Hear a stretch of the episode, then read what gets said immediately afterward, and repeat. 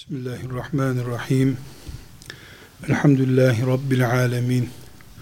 Ve sallallahu ve sellem ala seyyidina Muhammed ve ala alihi ve sahbihi ecma'in.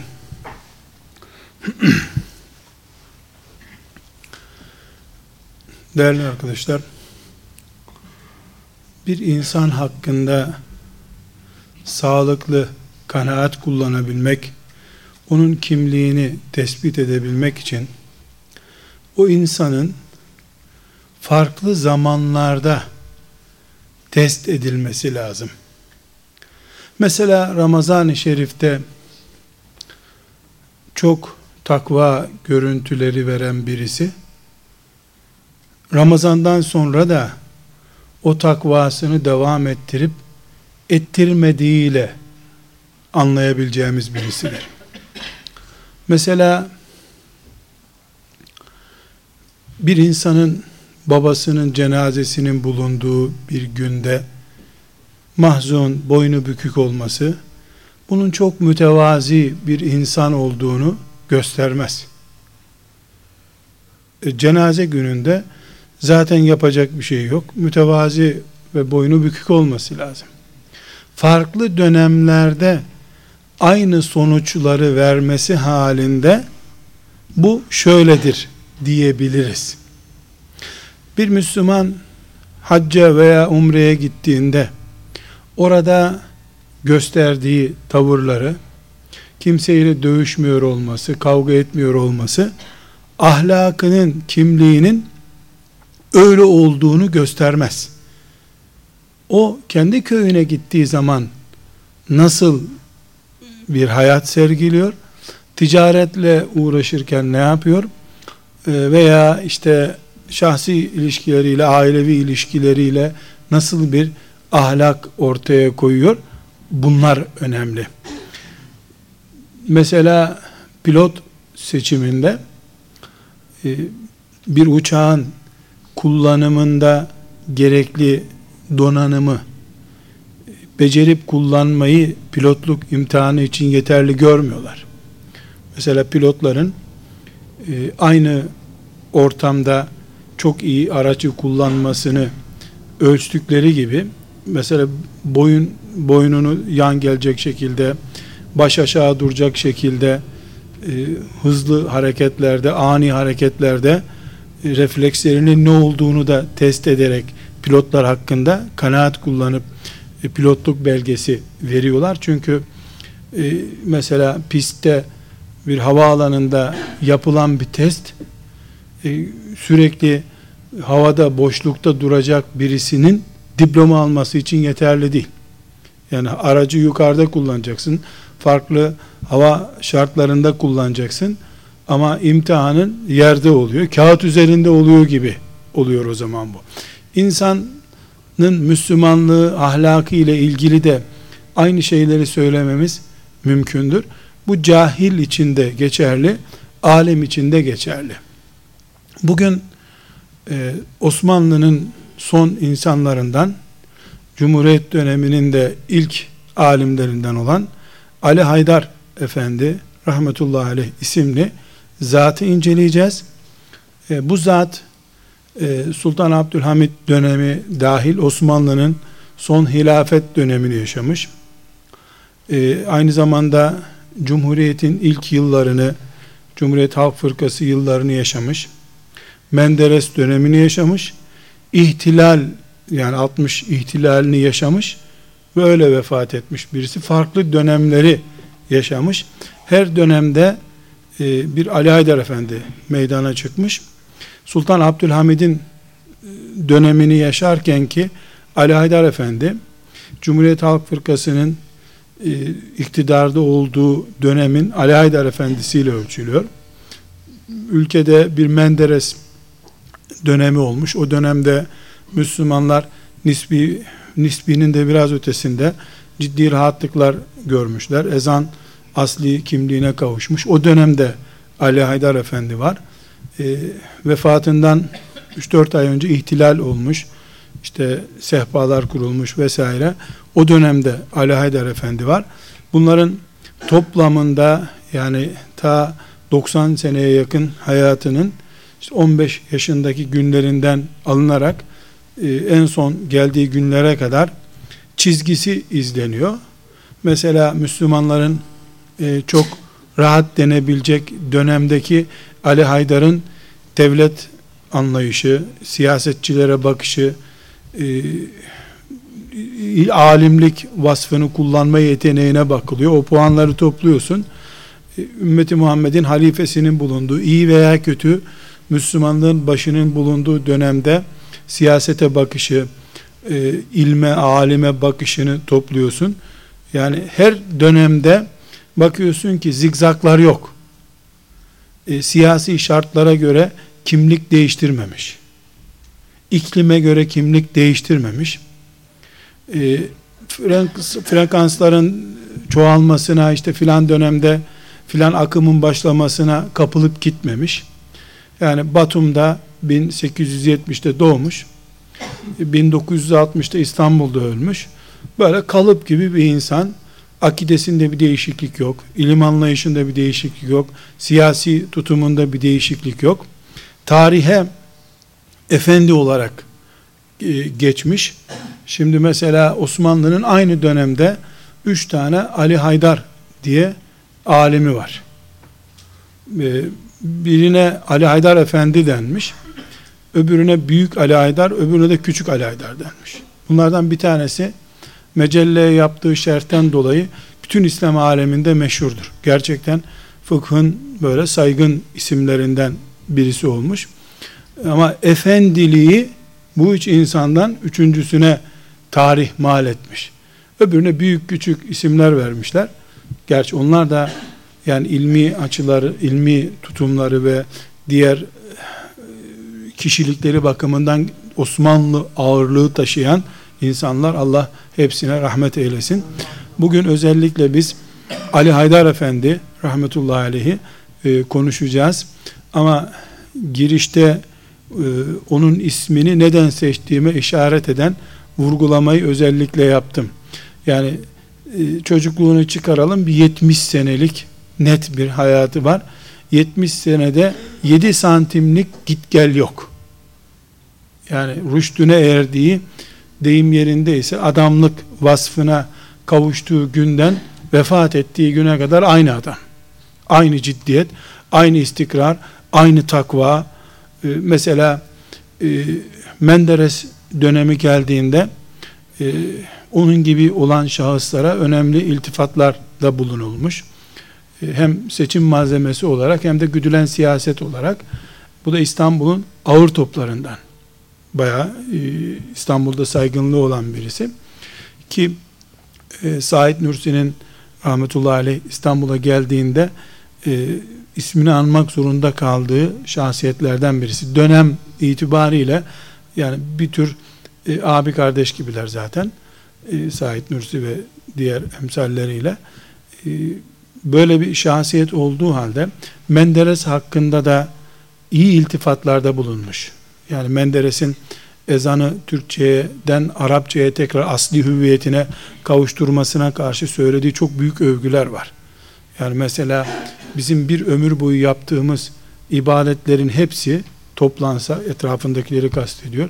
Menderes'in ezanı bir kere tekrar ettirmesine denk değil bunlar gibi bir cümlesi var ona ait bizzat bu.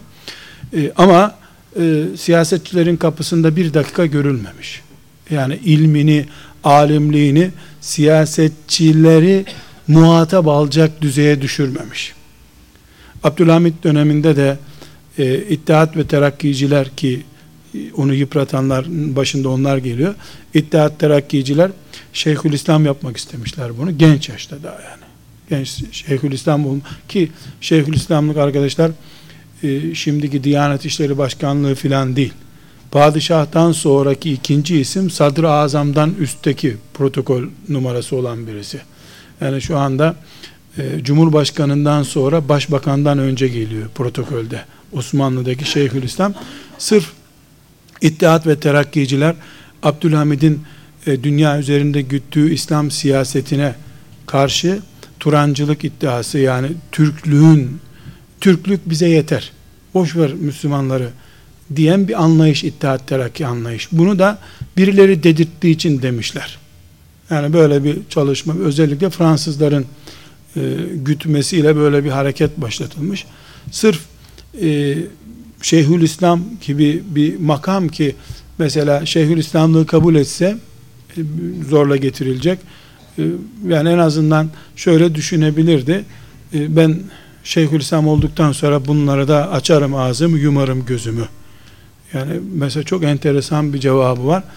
Ümmeti Muhammed'in makamlarından birisine ümmet getirir insanı. Sizin gibi dal kavuklar değil demiş. Bunu söylediği iddia terakkiciler sokak ortasında adam öldürüyorlar. Beyazıt meydanında sadrazam vuruyor adamlar.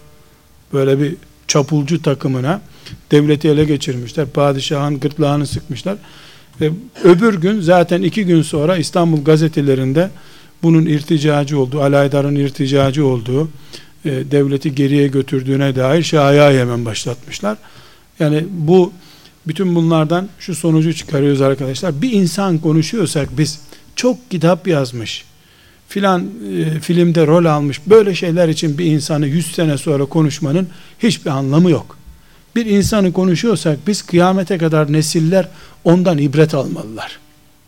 Sonra bir insanın büyük olması televizyonlarda program yapmasıyla da değil.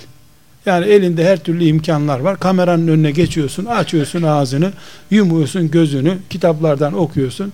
Ee, insanlar etkileniyorlar, duygusal anlar yaşıyorlar. Yeterli değil. Sen halk fırkasını göreceksin, ipe götürüyorlar. İskilipli atıfla aynı ipte yargılanacaksın. Dört defa idam celsesine çağrılmış. Kel Ali denen e, berbat zalim adamın dört defa önüne çıkarılmış idam talebiyle. Yani İskilipli Atıf'ın da hapishane arkadaşı. Bahsettiğimiz insan. Ve en önemli şey arkadaşlar zikzak çizme işi. Evet Kel, Kel Ali yani e, bunun asılmasını uygun görmemiş. Çünkü Allah Teala Ali Hadar Efendi'ye bugüne kadar devam edecek hizmetleri yapmayı takdir buyurmuştu. Kelali'nin yapacağı bir şey yoktu. Asmadılar bunu, asamadılar daha doğrusu ama mahkemede çıkıp özür beyan etmemiş mesela. Aslında ben de böyle düşünüyordum filan dememiş. Mahkemede de medresede ne anlatıyorsa onu anlatmış. Yani çok enteresan 1947'de gemiyle hacca gidiyor. Hanımıyla Hanife Hanım diye bir e, hanımı var. Onunla beraber hacca gitmeye karar veriyor 1947'de. Yani 1947'de düşünün iki kişi hacca gidiyorlarmış. Yani şimdi Allah'a hamdolsun 2 milyon insan salsalar böyle yürüyerek hacca gidecek elhamdülillah. Küfür boşuna uğraşıyor. Ee, yön Kabe'nin yönüdür hamdolsun. Gemiye binmiş eşyalarını koymuşlar. Ee, gemiden işte açılınca denize bir kişi tanışmış beraber gideceğiz hacca demiş. Bunlar iyi hacı arkadaşımız filan hacı arkadaşı değilim demiş. Hafiye olarak yani istihbarat bunun yanına bir kişi veriyor. Hacca giderken bile yalnız bırakmamışlar. 1960'ta vefat ettiğinde e, Fatih dersi amlarından birisi rahmetullahi aleyh Fatih dersi amı demek din konusunda insanları eğitmede en üst yetki sahibi insan demek Osmanlı literatüründe istilahında normalde Fatih caminin etrafındaki e, mezarlıklarda e, Fatih'in vakfiyesinin şartı Fatih dersi amları e, ve Fatih'in imamları gömülebilir buraya diye bir e, kayıt var. E, o zamanki ihtilal özellikle bunun Fatih Camii'nde değil gömülmesi cenazesinin kılınmasına bile izin vermemiş. Bizzat vali gelip İstanbul valisi e, Fatih Camii'ni kordon altına almışlar. Bir gün boyu kordon altı cemaatle camiye sokmamışlar. Sırf bunun cenazesi Fatih Camii'ne girmesin. Yani zaten tamam başka yere gömeceğiz diye kabul etmiş varisleri. Yani bu denli izlenmiş, takip edilmiş birisi. Buna rağmen e, yani ne e, siyasi baskılardan, idamla yargılanmaktan veya sabuk fırkalardan herhangi bir şeyden etkilenmeden 80 e, küsür senelik muhteşem bir hayat yaşamış arkadaşlar. Allah rahmet eylesin.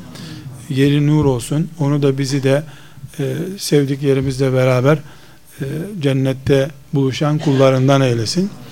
E, bugün nesiller olarak biz kuru tarih öğrenmek istemiyoruz. Alim nasıl olur bunu öğrenmek istiyoruz.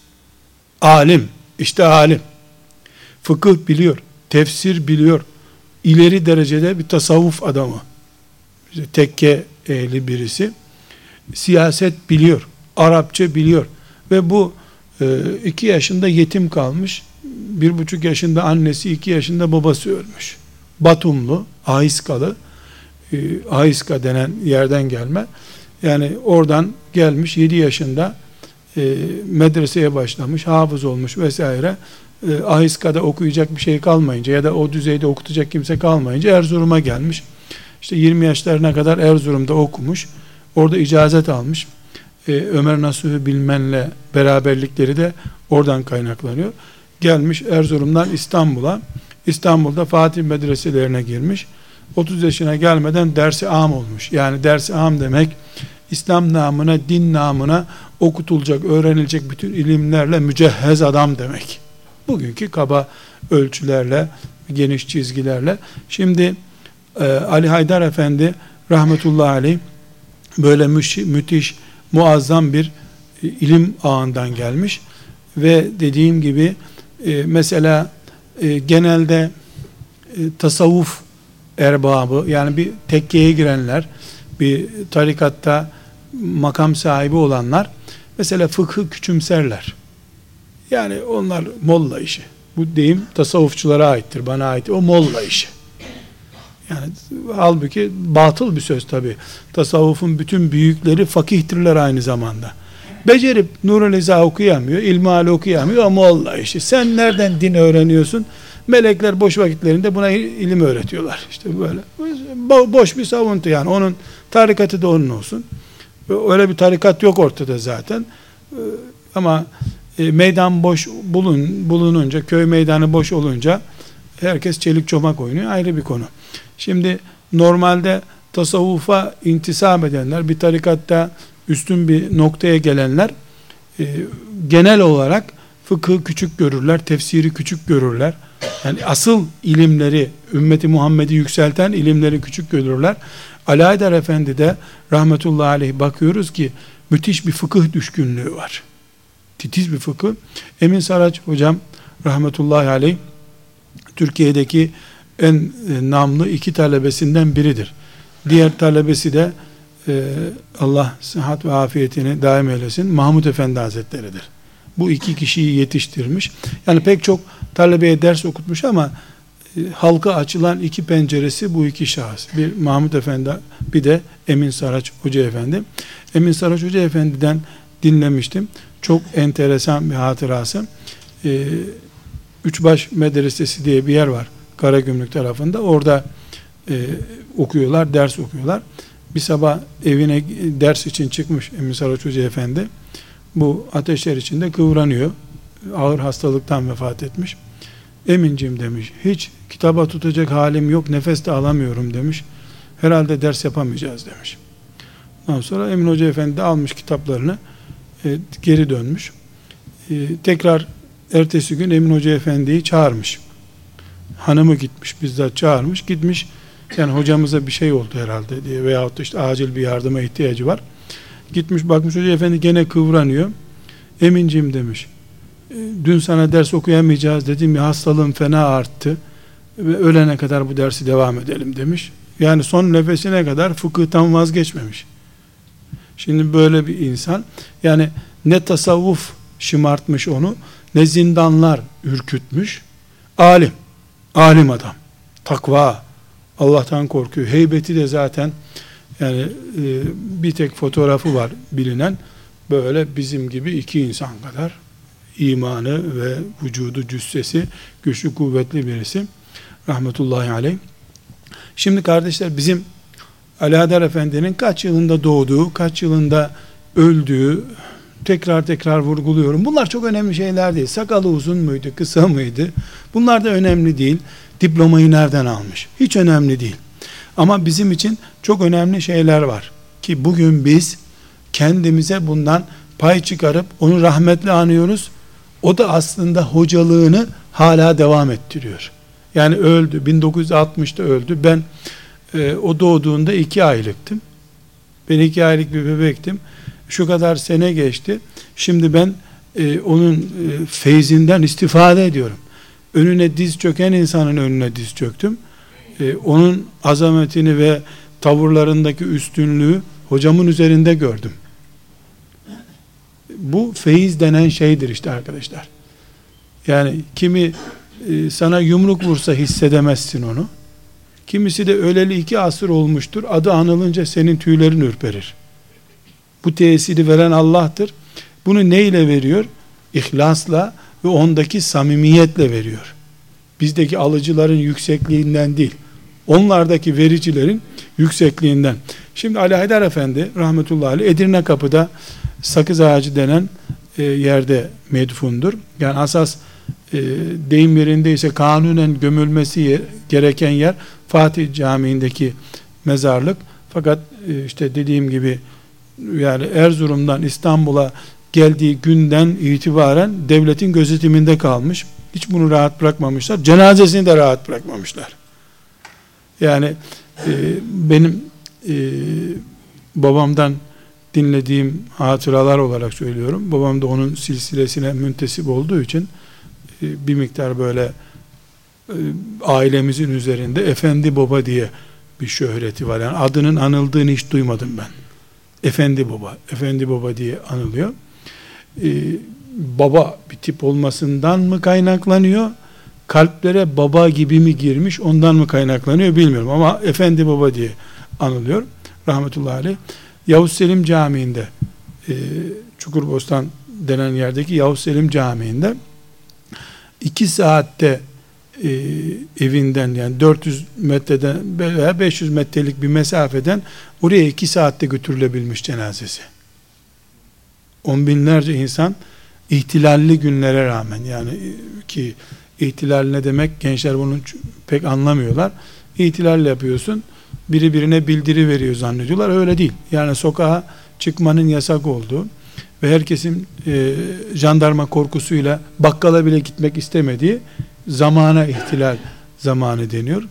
Şimdi e, rahmetullahi aleyh vefatında bile mezarında bile rahat bırakılmamış ki Allah dostlarının ve hizmet etmiş Allah dostlarının insan yetiştirmiş e, sürüye takılıp gitmemiş kendisi bir e, baş olmuş insanların büyük bölümünün ölümleri bile bir işe yaramıştır. Ölümleri de işe yarar.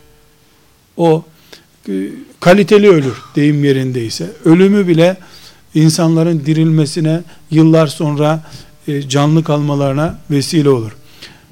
E, biz Ali Haydar Efendi rahmetullahi aleyhten çok önemli kendimize ders çıkarıyoruz. Bir, en önemli ders arkadaşlar, Abdülhamit döneminde gösterdiği vakarlı çıkışlarıdır.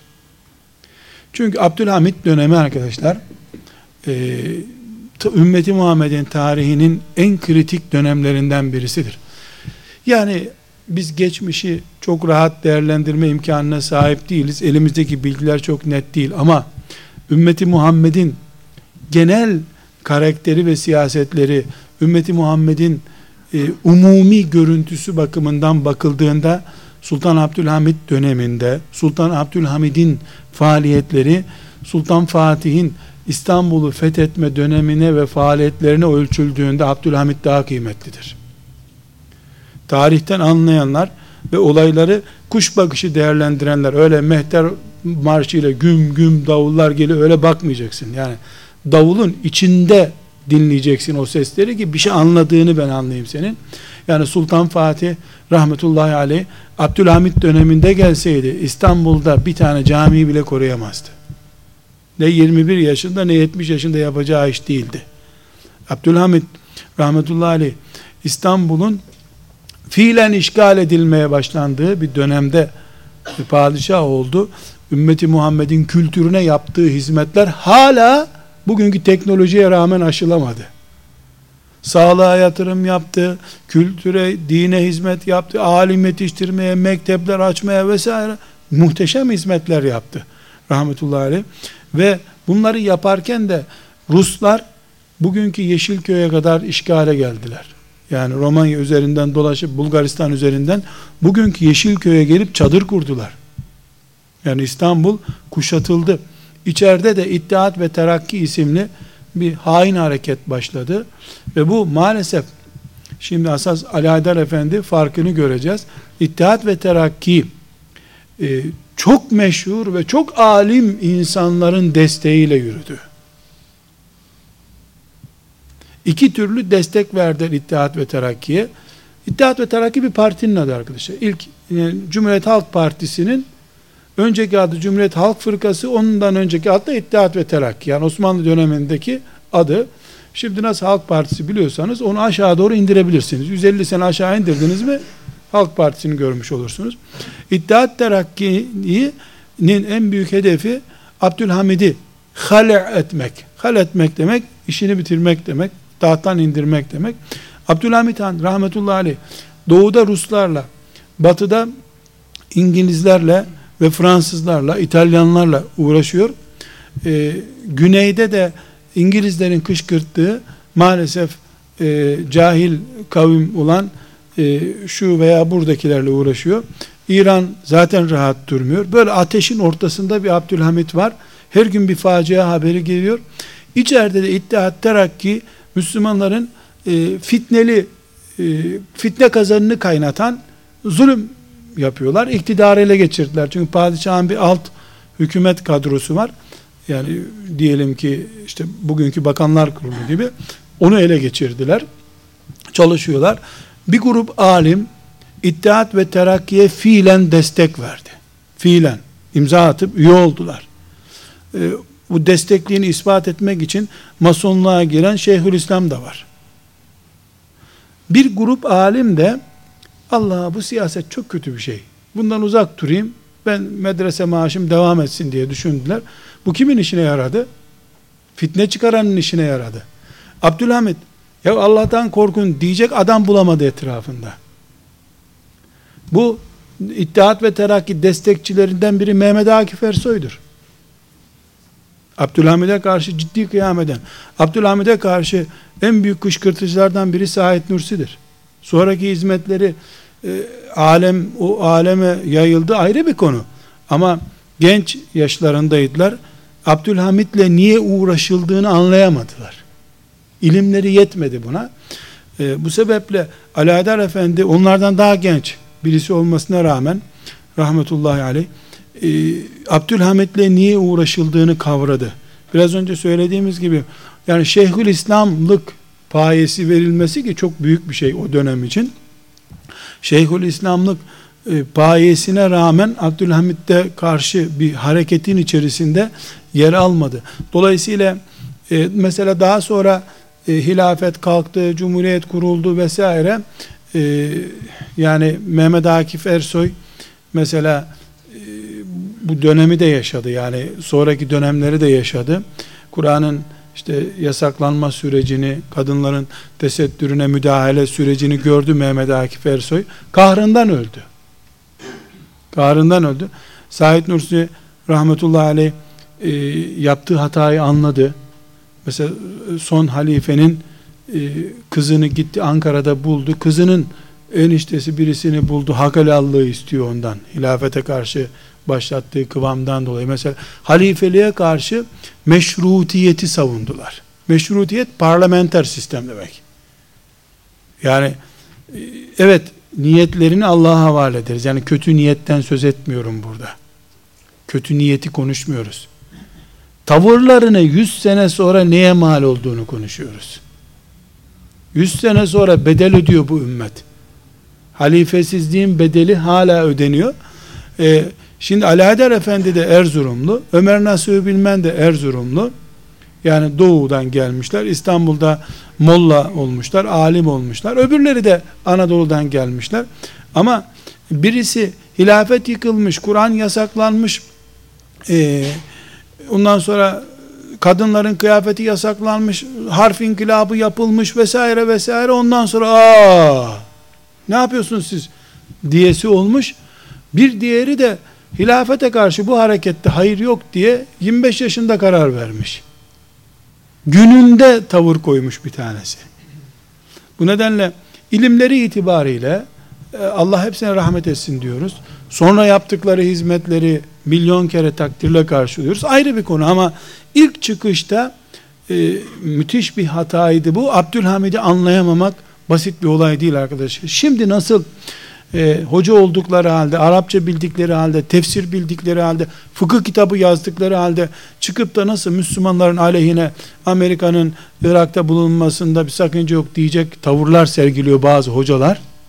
Aynı hastalık işte. Aynı hastalık.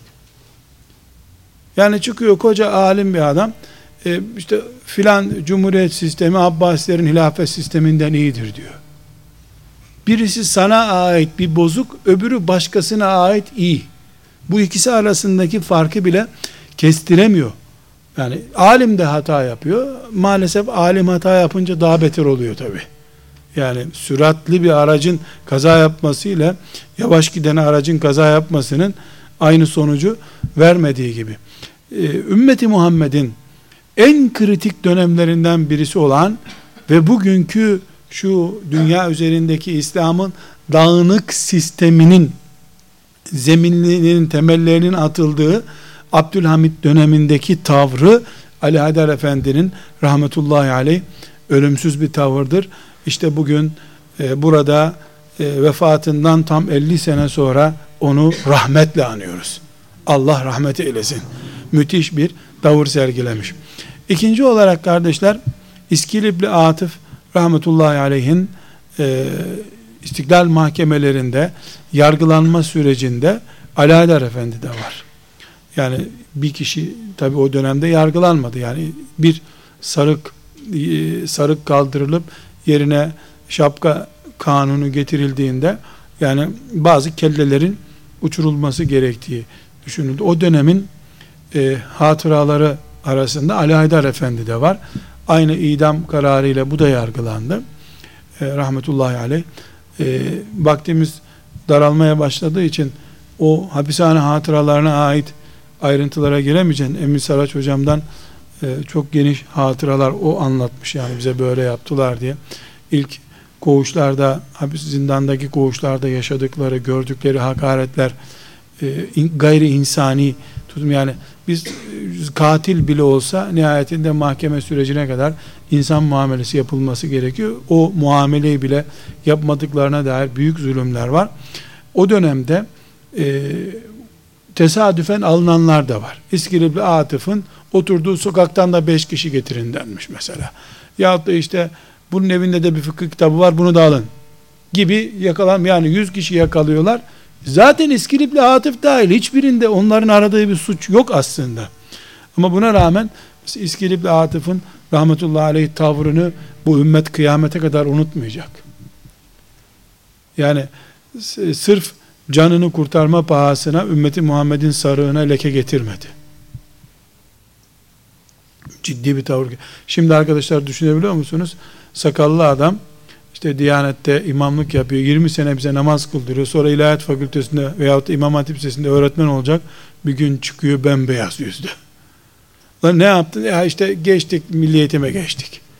İnsan 30 sene Afrika'da, Somali'de yaşar da 20 sene namaz kıldırmak için insanların önüne geçtiği sarığa hakaret etmez bu şekilde. Bir bu tavırları düşünün. Sırf niye biliyor musunuz? İmamken aldığı maaştan yüzde beş oranında farklı maaş alacak filan yerde öğretmen olursa. Yani sarığı ve sakalı sattığı şey hani bir kilo altın olsa neyse gene hoş göreceğiz. Ciddi bir fiyata da satmıyor. Çok cüz'i bir değere e, satıyor. Bu anlayış meselesi. İskilipli Atıf'la beraber dik duran e, şahsiyetlerden bir tanesi de Ali Haydar Efendi'dir rahmetullahi aleyh. Ali Haydar Efendi daha sonra e, Allah'ın lütfu ve keremiyle kurtuldu. Kurtulmasının şükrü olarak da muhteşem bir hizmet e, silsilesine geçti. Dolayısıyla Kelali'nin idamlık listesinde bulunanlardan birisi de e, rahmetullahi aleyh Ali Haydar Efendi'dir. Dört defa o mahkemeye çıkarılmış. İstiklal mahkemelerine. Yani istiklal mahkemeleri arkadaşlar bizim tabi sadece tarih kitaplarından gördüğümüz, duyduğumuz bir şey. Adı mahkeme işte. Kendi ne oldu? Bir defa hakim değil yargıçları. Dört tane milletvekilini getirmişler, hakim olmuş. Millet, o milletin de nasıl vekil olduklarını Allah'tan başka bilen yok. Dört, elhamdülillah dördü de kudurarak gittiler bu dünyada. Rahat ölemediler bile. Ee, bir yerde bir arkadaş dedi ki, dünyada buldular ettiklerini. Allah, nerede buldular dünyada ettiklerini ya. Tutmuşlar Erzincan'da adamı asalım sonra bugün çok geç oldu asın bunu demişler yarın yargılarız bunları demişler. Adam astıktan sonra yargılamışlar. Haklı mı haksız mı? Zaten karar aylar önce verilmiş. Erzincan'da yedi kişi yasın denmiş. Bir de e, yani adam düşünün ya çok geç oldu yemeğe gideceğiz asın bunları diye cellata tembih etmiş. Öbür gün gelmişler yargılayalım bunları şimdi demişler. Yargılamışlar. Bunun adı da adalet oluyor, mahkeme oluyor. E, ama e, tabi onların firavunluğunu, nemrutluğunu yapmasında hiçbir sakınca yok. Adam o iş için yaratılmış. Akrep, başka ne yapacak? Ama müminlerden, ümmeti Muhammed'in önderi, kitaplarını okuduğumuz şahsiyetlerin, o insanların e, ne yaptıklarını ben önemsiyorum. Alimler ne yaptılar? O dönemde ayakta duran insan arıyorum. Onun için İskilipli Atif Efendi'yi hala yaşıyor hala gözümün önünde duruyor. Hala bembeyaz sarığıyla bana ders veriyor gibi hissediyorum. O ölmedi. O yaşıyor. O çıkıp mahkemede deseydi ne bileyim yasak olacağını hakim bey biz de vatanın evladıyız elbette filan edebiyat yapsaydı ne kurtulacaktı ne de ben onu anacaktım şimdi. Çünkü o adamlara kurban lazımdı ve onun adında çıkmıştı bir de A harfiyle başlıyor. A harfinden iki kişi asın dediler bitti bu kadar basit. Mesela e, aynı dönemde e, yani gavurdan daha gavurluk yapan alimler de var. Ya da alim kılıklı insanlar da var. Allah'tan hiç hayal etmemişler. Utanmamışlar. Yani istedikleri öbür taraf ne fetva istiyorsa vermekte sakınca yok. Ha böyle de dindir demeye hayal etmemişler. Ama kim nereye gitti o çok önemli arkadaş. Herkes vaktinde öldü. Kel Ali'ye yağ yakanlar da vaktinde öldü. Kel Ali'nin karşısında Ulubatlı Hasan gibi dimdik duranlar da vaktinde kimse bir dakika önce ölmüyor bu dünyada. Bir dakika fazla yaşamakta mümkün mü? Vakti ne kadar ama biri şerefli ölüyor. Biri de rezil rusvay bir şekilde bugün hiçbir müminin hayır dua etmeyeceği bir şekilde ölüyor. Ali Haydar Efendi rahmetullahi aleyh dört defa çıktı o celselerin hiçbirinde istiklal mahkemelerinde alimlik şahsiyetinden taviz vermiyor. Sarığını bile çıkarmamış mahkemelerde. Bu bir heybet meselesidir. Üçüncü olarak da kardeşler, bu fırtınalı yıllarda e, pek çok alim evine kapanmış. Mesela bunlardan bir tanesi Hamdi Yazır'dır. Rahmetullahi aleyh. Hamdi Yazır da ağır toplardan birisi. Gerçekten Ali Adel Efendi'nin e, bulunduğu makamlarda bulunmuş birisi. Alim, e, Fransızca biliyor, çok iyi Arapça biliyor, Farsça biliyor, tefsirde iyi, fıkıhta e, güzel çalışmaları var. Ama durum kötü diye evine kapanmış. Bazıları yani onunla ilgili bilgi verenler cuma namazlarına bile çıkmadığını söylüyorlar. Yani protesto için. Bir alim protestosunu evine kapanarak yapmaz. Çünkü neden? Öbür taraf senin altını oyuyor. Ne oyuyor? Senin Kur'an'ının yerine başka şey getiriyor. Hadisinin yerine başka şeyi getiriyor. Sarığının yerine şapka getiriyor. Sana ait ne varsa bir alimsen, sen alimsin madem, senin altını oyuyor bu, bu kadro. Senin proteston, madem siz benim Kur'an'ıma hakaret ettiniz, ben de sokağa çıkmıyorum diyerek protesto edemezsin ki, adama yardım edersin. Düşmanın ekmeğine yağ sürersin. Dolayısıyla bizim o dönemin insanlarını değerlendirirken o dönemde çok bilmişlik, çok e, hayırlılık beni ilgilendirmiyor. Ben senden bugün ne aldım? Çünkü çok ölü bir dönem. Yani A döneminden B dönemine geçilirken bir bedeniyet yıkıldı. Onun yerine yeni bir sistem kuruldu. Ara yerde bir boşluk var. O boşlukta kim bir kişiye elif cüzü öğrettiyse, kim bir kişiye sabah namazına camiye gitmeyi öğrettiyse, boşluk sürecini hayırla dolduran büyük bir hizmet yaptı demektir. Alim o. En kritik dönemde, ümmeti Muhammed'in yaşadığı en zor dönem, Dinle savaşılıyor, ezanla savaşılıyor, Kur'an'la savaşılıyor. Böyle bir dönemde evinde tesbih çekiyormuşsun. Tesbih kopsun. Ne yapayım ben senin tesbihini? İnsanlar kuruşa din satıyorlar. Sefalet var, açlık var, başıboşluk var. E, yani işte düşün Diyanet İşleri Başkanlığı e, ezanlar Latince okunsun diye düşünüyorlar. Saadettin Kaynak diye birisi vardır. Bu adamın özelliği ne? İlk Türkçe ezan okuyan adam bu. Tanrı uludur diyen ilk adam. Aslında şarkıcı, türkücü, sesi güzel diye müezzin olmuş Yavuz Selim Camii'nde. Kadere bak bir de sen. Fatih'teki Yavuz Selim Camii'nde bu e, ezanın Türkçeleştirildiğinde ilk defa e, yer, yeraltı camiinde Arap camiinde diyelim onların adıyla Karaköy'de buna ezan okutturuyorlar. İlk uygulamanın orada seçilmesinde de enteresan bir şey var tabi. Orada bir sürü sahabinin kabri var.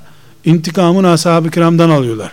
Tanrı uludur dedirterek ilk defa da bu gidip e, ezan okuma numarasıyla yapacağını yapıyor diyelim. Mevlüt okuyor. Türkçe mevlüt okuyor. Bir şeyler yapıyor. Ali Adar Efendi de Yavuz Selim Camii'ne namaza gidiyor. Bunu daha önce severmiş. Yani sesi güzel, sen iyi ezan okuyorsun diye. Bir gün bu serpuş kanunu dedikleri şapka kanunu çıktığında mahallede Fatih'te kimse takmadan bu serpuşu takmış. Bir de kravat takmış böyle. Bu bir bakmış bastonuyla namaza gidiyor. Tüh sana melun demiş. Ümmeti Muhammed'i rezil ettin demiş. Yani alim bu işte. Yani alim ki Saadettin Kaynak onu nerelere jurnalladığını herkes biliyor ondan sonra. Sen çünkü birilerinin hoparlörü o. Hemen bana milletin içinde yuh dedi, hain dedi filan diye. O da ömrünün sonuna kadar işte mezarını bile kontrol ettirecek bir takip süreci geçiriyor. Alim e, kendisine ihtiyaç duyulan zamanda işe yarayan insandır. Ben ümmeti Muhammed'im kana bulanmış. Cahillik diz boyu. Kur'an susturulmak isteniyor. E, tekkeler kapatılmış, zaviyeler kapatılmış, medreseler ilga edilmiş. Kalkmış din gidiyor. Sen protesto, etmek için evinde oturamazsın. Bana bir adam lazım. Vagon kiralayacak, polis görmesin diye vagonda elif cüzü okutacak bir Süleyman Efendi lazım. İman gidiyor elden. Ali Haydar Efendi rahmetullahi aleyh ciddi bir şekilde yani Cumhuriyet'in kurulmasından vefat ettiği güne kadar ders okutmadığı, talebelerle ilgilenmediği, halka fetva vermediği bir gün geçirmemiş. Onun bu yönünü de bin rahmetle anıyoruz. Allah rahmet eylesin. Ve o dönemde yetiştirdiği en meşhur talebesi benim Yusuf'umsun, sen benim Yakub'um, ben senin Yakub'unum, sen de benim Yusuf'umsun dediği Mahmud Efendi'yi yetiştirmiş. Mahmud Efendi'nin de ondan aldığı mirası ne hale getirdiğini, on binlerce insanla Allah'ı nasıl buluşturduğunu hepimiz gözlerimize görürüz. Mahmud Efendi daha önce işte Arapça okumuş, e, bir normal bizim deyimimizde yani bir molla birisi bununla buluştuğu andan itibaren bir 6 sene kadar beraber bulunmuşlar. Çok uzun bir zaman beraber bulunmamışlar. O beraberlik yani 6 senelik verdiği aşıdan e, Mahmud Efendi e, şu anda elhamdülillah on binlerce insanla zikrin, ibadetin, takvanın buluşmasına, binlerce, on binlerce kadının tesettüre girmesine vesile oldu. Bütün bu sevaplar Ali Aydar Efendi'nin de hanesine yazılıyor. Allah rahmet eylesin. Yani o kritik dönemdeki tavrı çok önemli. Çok önemli. Bir önemli tavrı daha arkadaşlar. E, bütün bu e, siyasete derin bakışlarına rağmen siyasilerle oturup kalkmamış ama. Abdülhamit'le de oturup kalkmamış. Menderes'le de oturup kalkmamış. Menderes İstanbul'a geldiğinde bunu ziyaret etmek istediği halde o gün bahaneler bulmuş mesela. Çünkü onun Menderes'le ilgisi veya Abdülhamit'le ilgisi ya da diğer siyasi adamlarla olan ilişkisi e, sadece dininin penceresinden baktığı için dinine göre o adama puan veriyor.